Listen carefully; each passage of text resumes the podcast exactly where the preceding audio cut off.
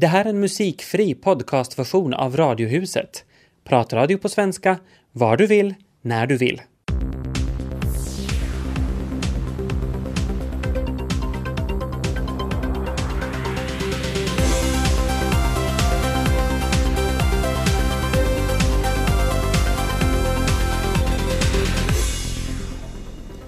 Här börjar Radiohuset onsdag med Ami Lassila och Tobias Larsson i studion.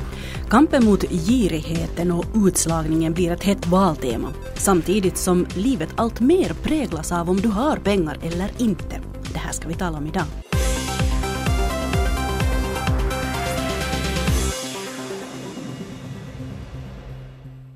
Forskare Johannes Kananen, välkommen. Tack så mycket. Slut på utslagning, det har plötsligt blivit ett hett tema i presidentvalskampanjen här nu.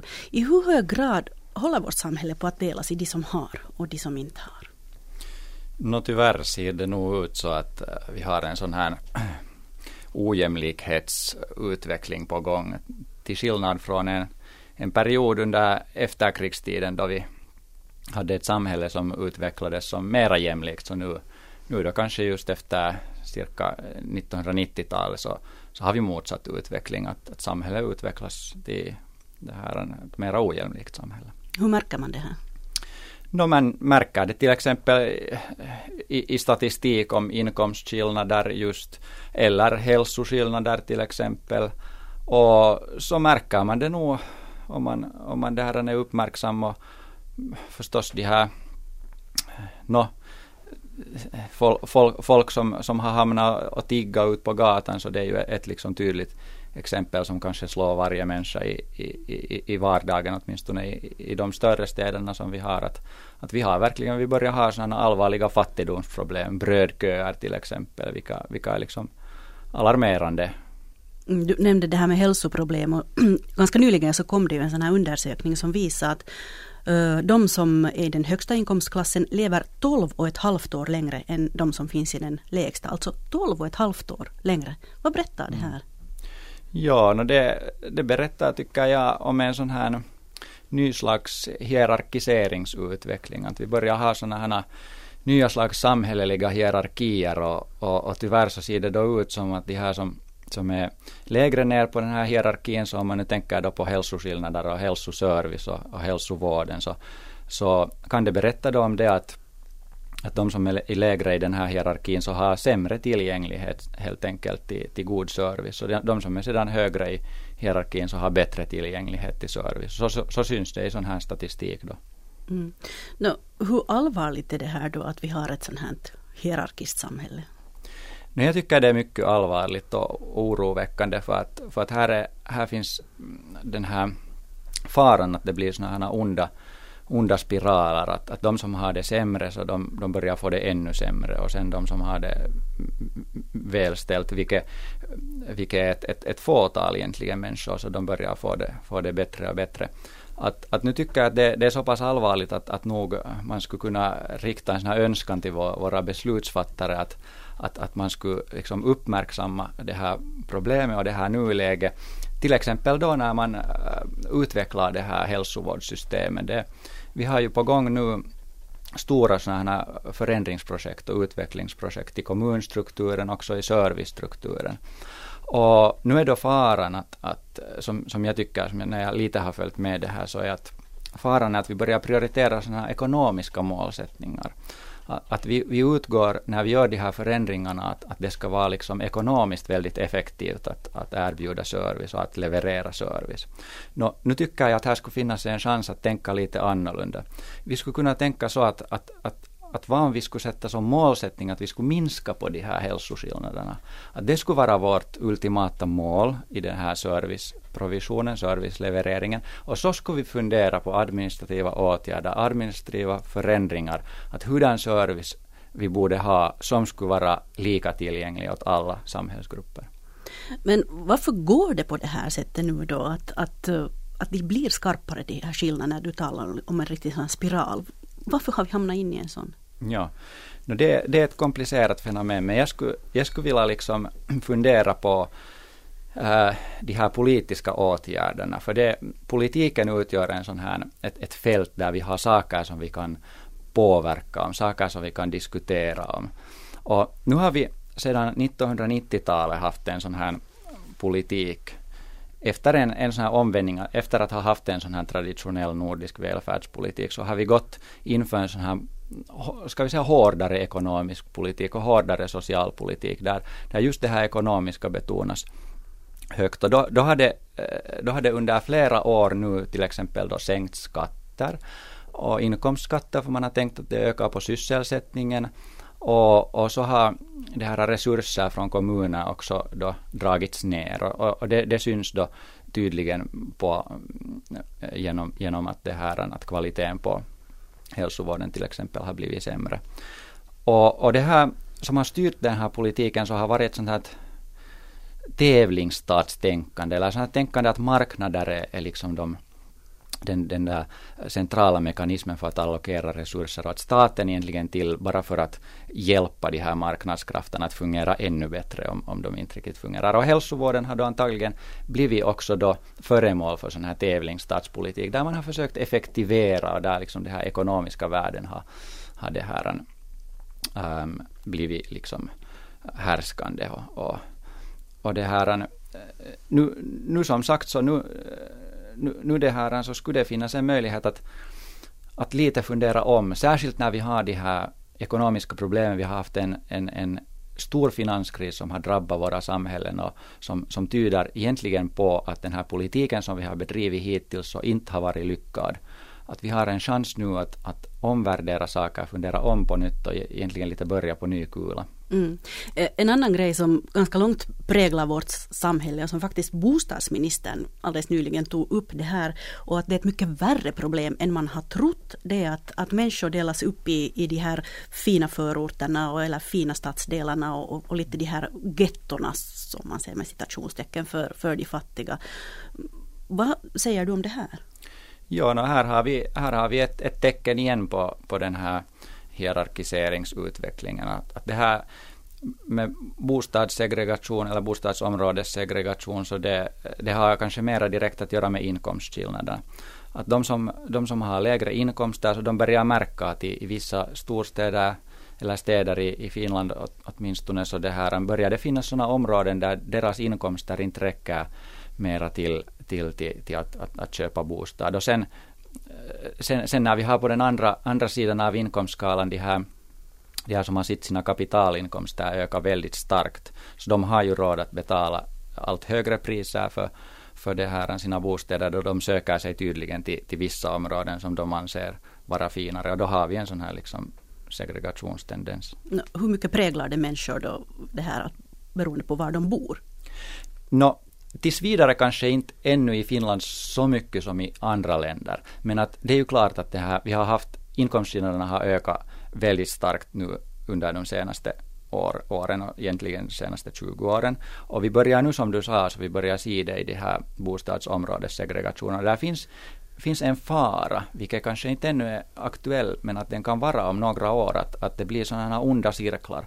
Att de som bor på ett inom citationstecken sämre område, så de börjar få, få sämre tillgänglighet till till exempel service eller skolning, skolor och, och, och annat som är viktigt för människor sedan. Och, och då blir det en sån här ond cirkel att de som har det sämre ställt så får det ännu då sämre och sen tvärtom de som har det bättre ställt så får det ännu bättre. I hur hög grad ärver man en inkomstklass? No, traditionellt i Finland så har vi väl vant vid oss att i, i Finland så skulle man då inte ärva så hemskt mycket än så att säga en, en inkomstklass utan att vi skulle, vi skulle ha ungefär likadana sociala och ekonomiska möjligheter oavsett vart vi föds, vilken sorts familj vi föds till eller, eller var någonstans i landet vi föds. Men nu har vi eh, tyvärr då haft en sån här en hierarkiseringsutveckling där det sedan 1990-talet ungefär så har samhällena utvecklats så att man äh, allt, allt mera och mera så börjar man ärva den här inkomstklassen tycker jag tyvärr. Mm. Och vad betyder det för vårt samhälle? No, det betyder egentligen, tycker jag, att, att, att en hel del sån här mänskligt potential går till spillo egentligen. För att, för att om, om, om människor inte ges ges det här tillräckligt med chanser att utveckla sina talanger, utveckla sitt potential, så då, då det här då, då kan det hända att deras liv så styrs på sådana här sämre banor, eller jag vet inte om det här är lite sådär naivistiskt sagt, men, men att i vilket fall som helst så kan de inte utveckla, äh, de, de kan inte liksom utnyttja sitt potential för samhället och det är dåligt för samhället också. Mm. No, Igår gick då presidentkandidat Sauli Niinistö ut och sa att ifall han blir president så lovar han att tillsätta en arbetsgrupp mot utslagning och speciellt bland de unga. Och idag så är det också stora annonser i tidningarna om det här. Vad är din kommentar till det?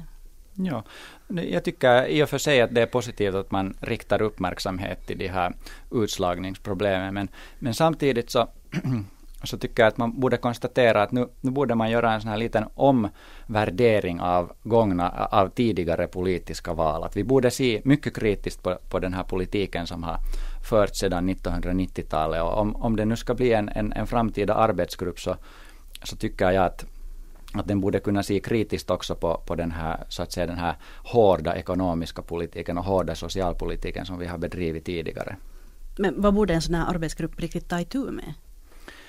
No, det finns eh, många saker att, att jobba med nu om vi talar om, om sån här utslagningsproblematik och, och, och, nu vet jag inte om det här skulle vara en sån arbetsgrupp som skulle direkt kunna föreslå, föreslå lagstiftning, ny lagstiftning men att, men att om vi nu tänker på politiska initiativ som finns nu i, i debatten för tillfället så vi kommer ju, kommer ju säkert att, att, tangera områden som, som då den här eurokrisen och EU-krisen. Och, och, och, nu tycker jag att de mest lovande politiska initiativen så finns på den, den fronten där man säger att, att nu de här ekonomiska problemen som vi har för tillfället, så de beror på bristen av och nu kommer en teknisk term, bristen av aggregat efterfrågan. Oj, och vad betyder det? det, betyder, det betyder egentligen det att, att det, här, det skulle finnas en möjlighet nu att sätta full sysselsättning som ett politiskt mål.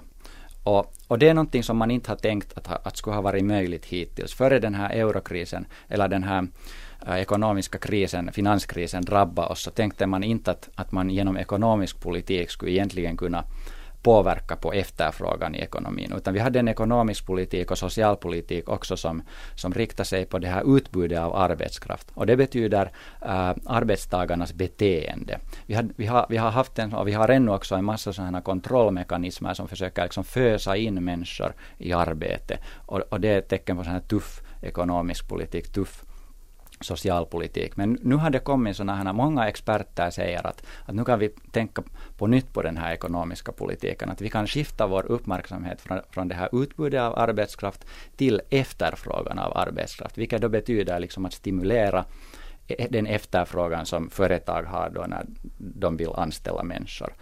Ehm, men men det, det, blir lite komplicerat för att i, i det här euroområdet som vi vet så har vi en, en gemensam centralbank och så har vi nationella budgetpolitiker. Så det borde liksom göras till ett äh, europeiskt initiativ naturligtvis. Men Finland kunde naturligtvis vara här och med i, i, i den första fronten här och, och, gå ut och säga att nu, nu behöver vi en sån här, sån här ekonomisk politik som, som det här riktar sig in på full sysselsättning och och det skulle vara då en politik som jag tycker att skulle göra samhället mer jämlikare.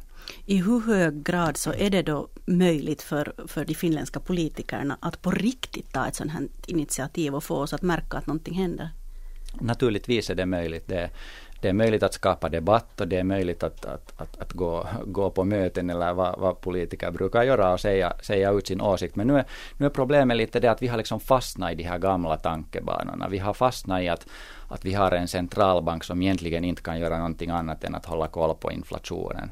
Det, det är bara en tankebana som vi har fastnat i och, och, den skulle vi kunna till exempel lösgöra oss från den här tankebanan på det viset att vi skulle kunna fundera att hur den skulle vara en europeisk centralbank som äh, i likhet med den amerikanska centralbanken, i likhet med den svenska centralbanken, i likhet med den brittiska centralbanken, skulle kunna köpa statsobligationer direkt och på så sätt stimulera ekonomin.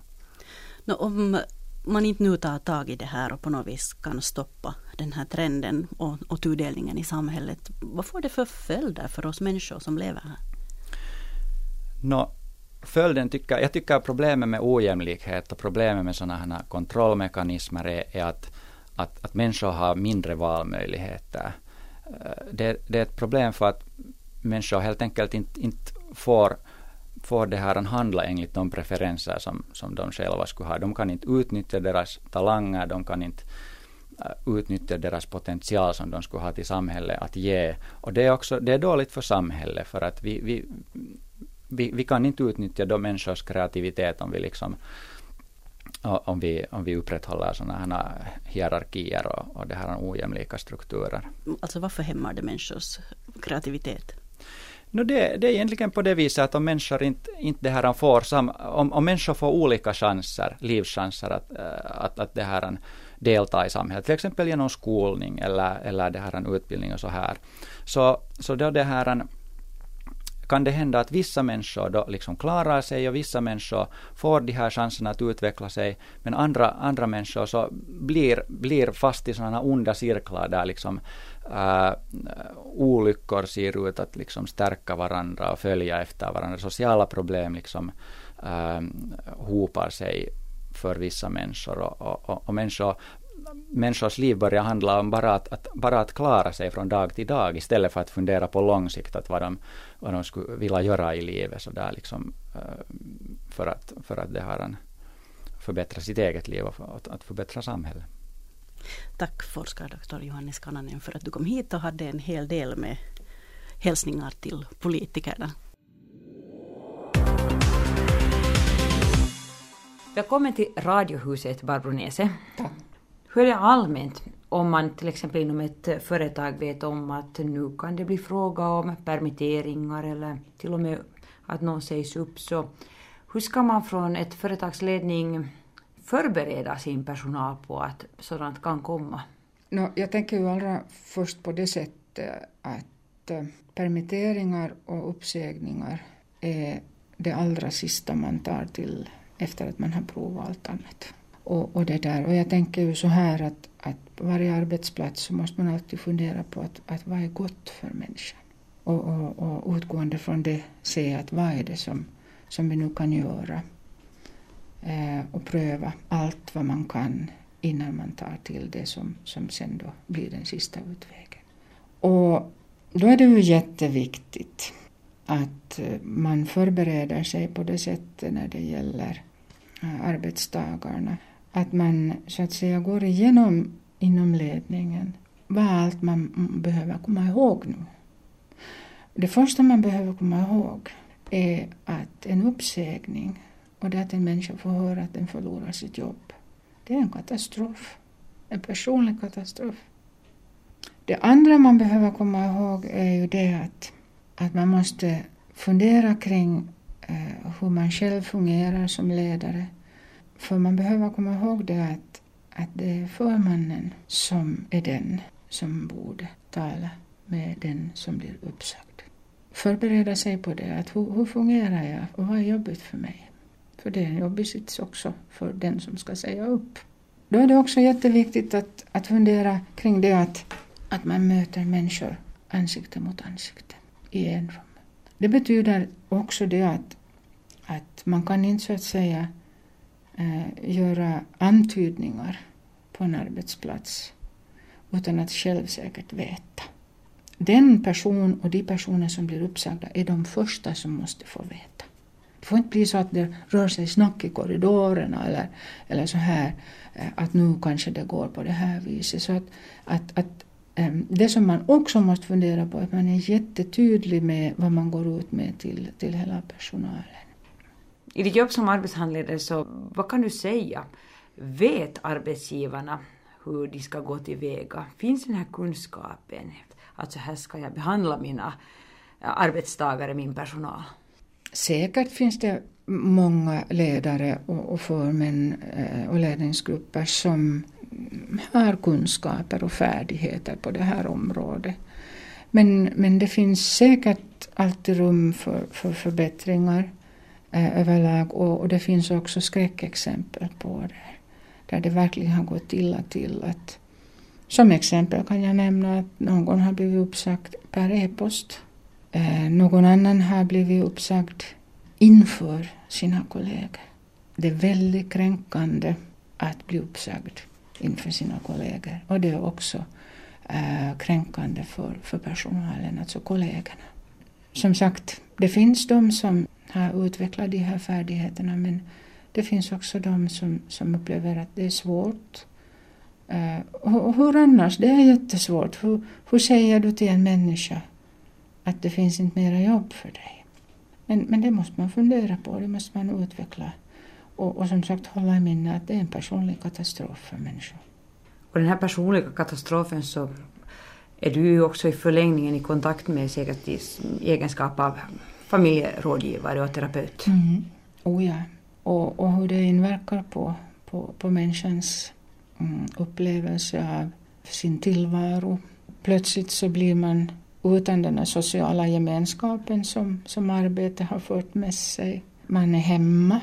Det kan bli tungt hemma. Det är inte så lätt heller att hitta nya möjligheter och jobb om inte arbetsgivaren heller eh, så att säga hjälper till med den saken att hitta. Så kan det börja slita på relationerna där hemma och ekonomin eh, rasar. Ibland så eh, går det så illa att par eh, går ifrån varandra på grund av att, att den här krisen på något sätt blir så pass svår och, och, och inflammerad. Men sen kan det bli fråga om just att fundera att hur ska jag, hur ska jag klara den här dagen när det blir riktigt som värst. Finns det Barbro någonting som man som ska vi säga, arbetsgivare borde tänka på efter att man också har då gett det där kuvertet haft den här personen i en rum och sagt att nu är det tyvärr så här att mm. det inte finns plats för dig längre. Finns det någonting mera som man borde tänka på som ledare? Oh ja. Eh, men just det här med att, det är en personlig katastrof, eh, det kan vara en chock. Också om man har vetat Eh, att, att det kan gå så att, att, att det är just man själv som, som blir uppsagd. Eh, så är det en chock sen när det är ett faktum. Eh, en katastrof. Och det betyder att man kommer inte på allt det där som man vill fråga. Och det som förmannen eller den som säger upp berättar och säger kan man inte ta till sig därför att det är som i en chock när Eh, man vet att, att människans förmåga att ta in information minskar. I synnerhet liksom nyanser och annat sånt. Eh, man kommer inte på vad man ska fråga. Och då är det jätteviktigt att den som säger upp dels ger tid då under själva det tillfället det kommer inte på fråga med några minuter. Även om en halvtimme kan kännas som en minut för en som är i chock. Det behöver man nog komma ihåg. Så, så det måste finnas gott om tid att sitta ner och prata med den här människan. Och sen måste det också, jag tycker att, att det måste man ta det ansvaret att man ger människor som blir uppsagda flera möjligheter att träffa förmannen och prata om det här. För att man hinner ställa de där frågorna så man får klart för sig att det var inte därför, utan det var därför. Så att man inte går omkring och, och våndas över att vad det är därför.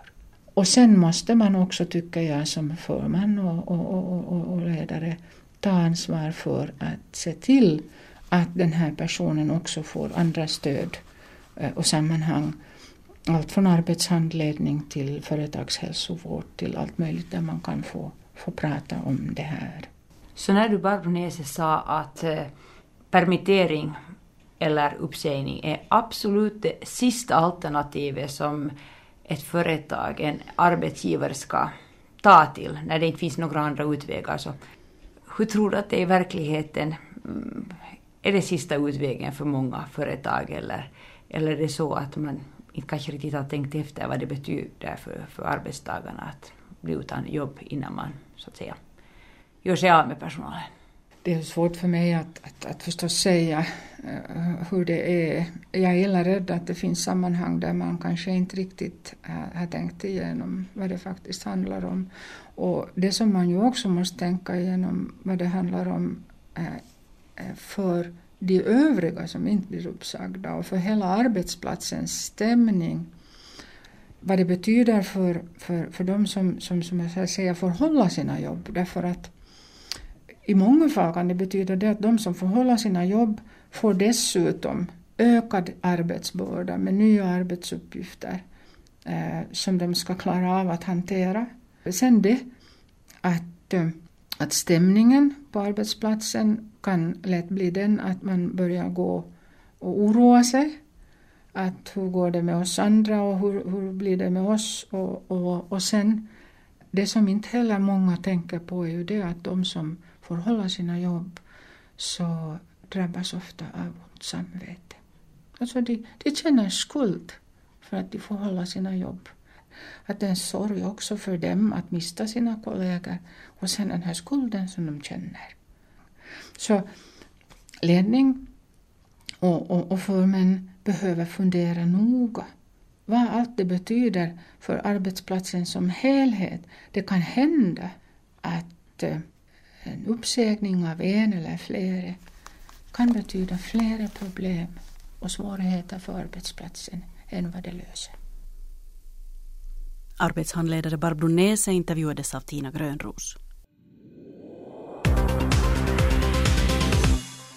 All PR är god PR, eller hur är det egentligen? Mm, lite tveksamt där faktiskt tycker Ja, jag. jag vet inte jag. För ett par veckor sedan hölls Spellemangalan, alltså Norges Grammy, Grammy Awards i Oslo. Och priset för årets hit gick till rockgruppen Plumbo mm, så heter de. Spellemangalan dessutom. Ja, det, nej, men det är en prestigefylld gala i Mm. Norge. Det är det tyngsta musikpriset du kan få. Eh, prisutdelare för just den här kategorin var den färgade hiphop-duon Madcon som ni kanske kommer ihåg när Eurovisionen gick i Oslo 2010 så var de pausprogram. Fick en jättehit med sin, eh, med sin pauslåt som var en hit över hela Europa. Eh, Madcon eh, skulle dela ut priset. Knappt hade Plumbo kommit på scenen innan bandets sångare kläckte en rätt korkad smårasistisk kommentar om prisutdelarnas hudfärg. Oh, no. Ja, det är ju ett stort no-no, så hela salen buade och ett rätt enat artist-Norge dömde ut rockarna fullständigt i bloggar och på Twitter och i efterhandskommentarer och så. Men det var ju ganska häftigt att hela salen buade. Det var snyggt tycker jag. Mm, men sen kommer vi till det lite sämre i det hela. Rockgruppen la sig platt, ursäkta sig med att de är från landet, inte vana vid stora galor. Hej, vänta det här låter bekant. Från Ja. landet. Ja, vi Mm. pratade lite Oj, om oj, det oj. igår. ja, nej men alltså så att de förstod inte riktigt hur illa det skulle låta. De menar ingenting med det. Och nu är de förlåtna. Alla vet vilka de är. För de har gått från att vara en grupp som med sina egna fans så vet helt plötsligt hela Norge vilka de är. Och nu vet vi också. Och på lördag tävlar de i norska melodifestivalen. Mm. Så frågan är Kan man numera kläcka ur sig rasistiska grodor, göra en fullständig pudel och bara dra nytta av uppmärksamheten? Inte så himla kul. Men Nej, tydligen kan man all PR är god PR.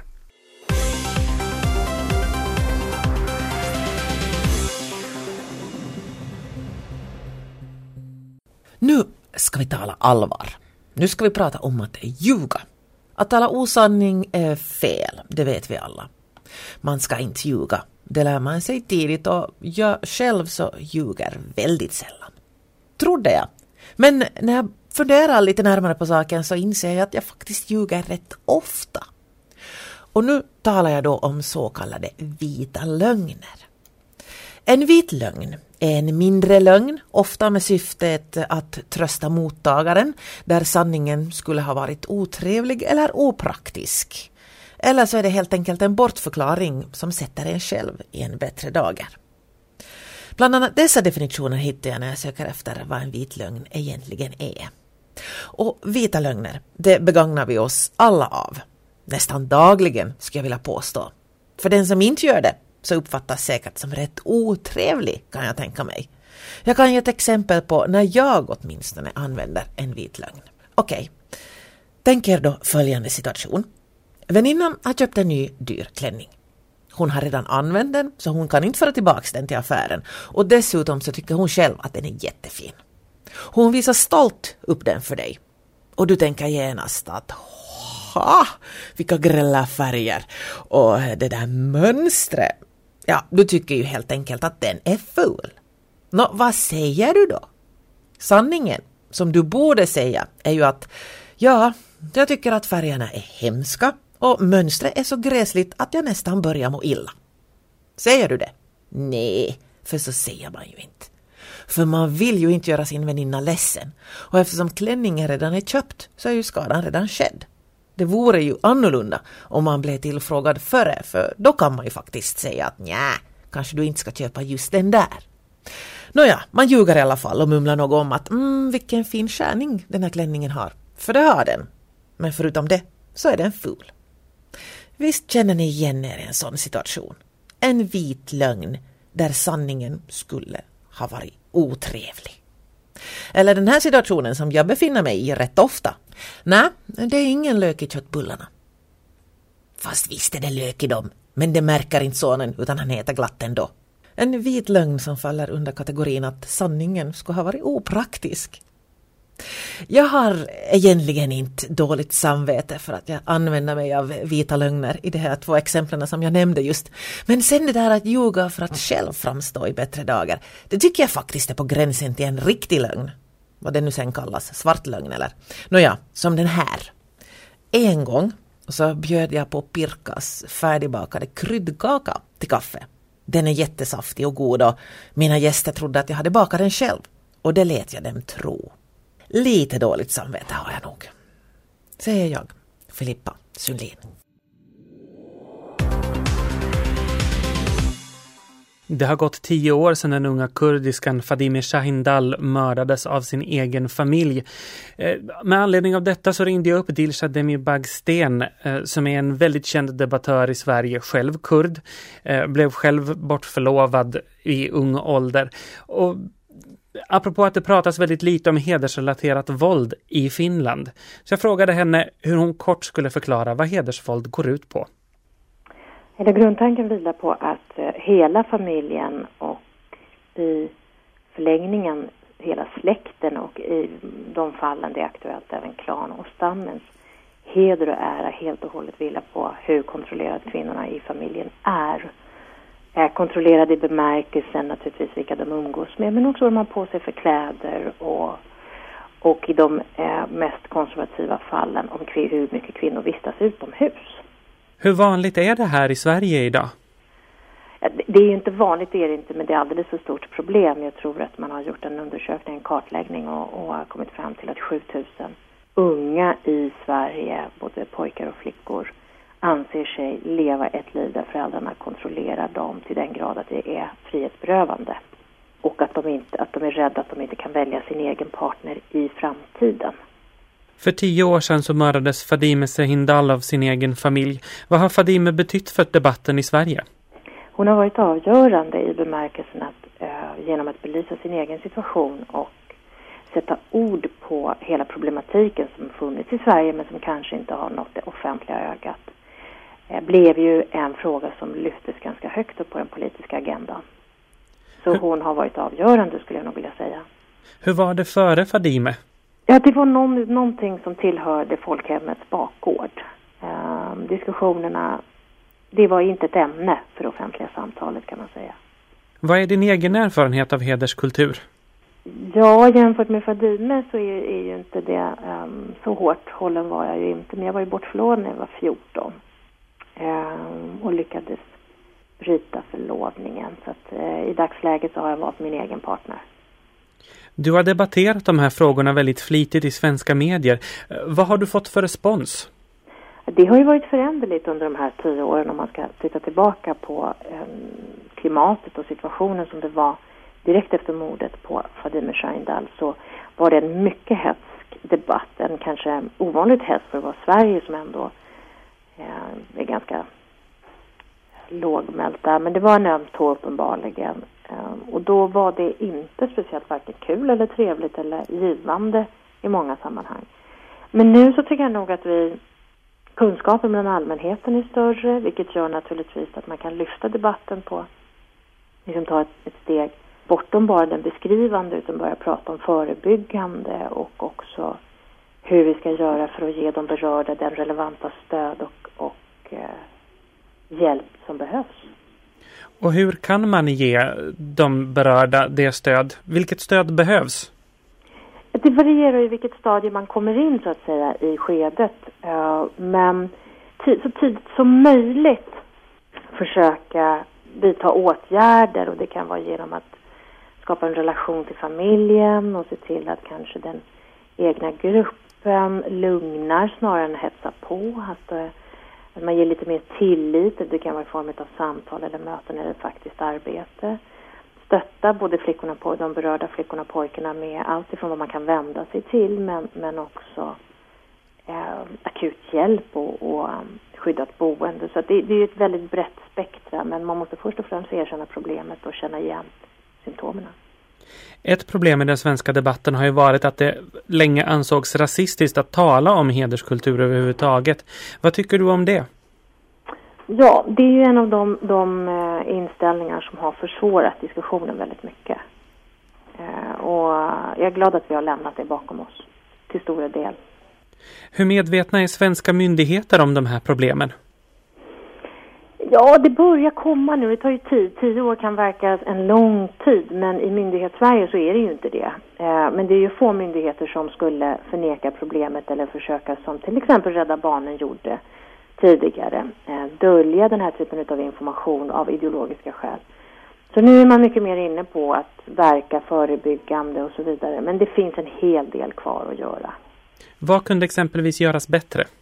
Eh, tydligare formuleringar men framför allt att vara, eh, öka kunskapen i den första krets som kanske berör de här flickorna och pojkarna, det vill säga eh, jobba lokalt, vara närvarande i skolan och stötta framförallt föräldrarna med att det kan faktiskt bli bra på ett annat sätt så att man inte känner sig pressad att vidta åtgärder och eh, begränsa flickorna och pojkarnas handlingsutrymme eller rörlighet eller för all del våld och mord i slutändan. Rädda Barnen som du nämnde, nu har de en kampanj. Det handlar om kärlek som riktar, riktar sig främst till ungdomar i hederskulturer. Eh, vad tycker du exempelvis om den kampanjen? Eh, ja, jag är glad att Rädda Barnen har eh, ändrat sin inställning så att säga. Det tog lång tid. De har, Rädda Barnen har ju eh, tidigare varit en av de som har direkt motarbetat den typen av definition. Och det är naturligtvis alltid bra, men jag tror att och det är en bra insats, men jag tror att, att de berörda, de vet att det är kärlek eh, det handlar om. Men det är ju inte alltid kärlek, eh, utan det är ju bara rätt att få välja sina studier, att inte behöva vara hemma eller att få gå på bio. Det är inte nödvändigtvis det faktiskt handlar om en, en partner. Bara det att få studera vidare för många flickor är ju ett, inte någonting man kan ta för givet. Men, men absolut, det är ju eh, välkommet med den insikten. Om någon av våra lyssnare nu sitter och känner igen sig i den här situationen, vad råder du eh, denna lyssnare att göra? Vad, vad ska man göra om man befinner sig i just den här situationen? Då ska man omedelbart tala med pedagogerna i skolan först och främst om man är i skolåldern. Eh, man ska tala med, ringa socialtjänsten och man ska ringa polis beroende på hur akut det är.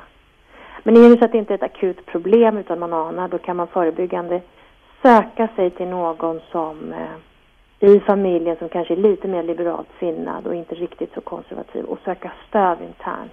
Om det är på den nivån, det är svårt att veta. Det sa Dilshad Demirbag Sten på telefon från Stockholm.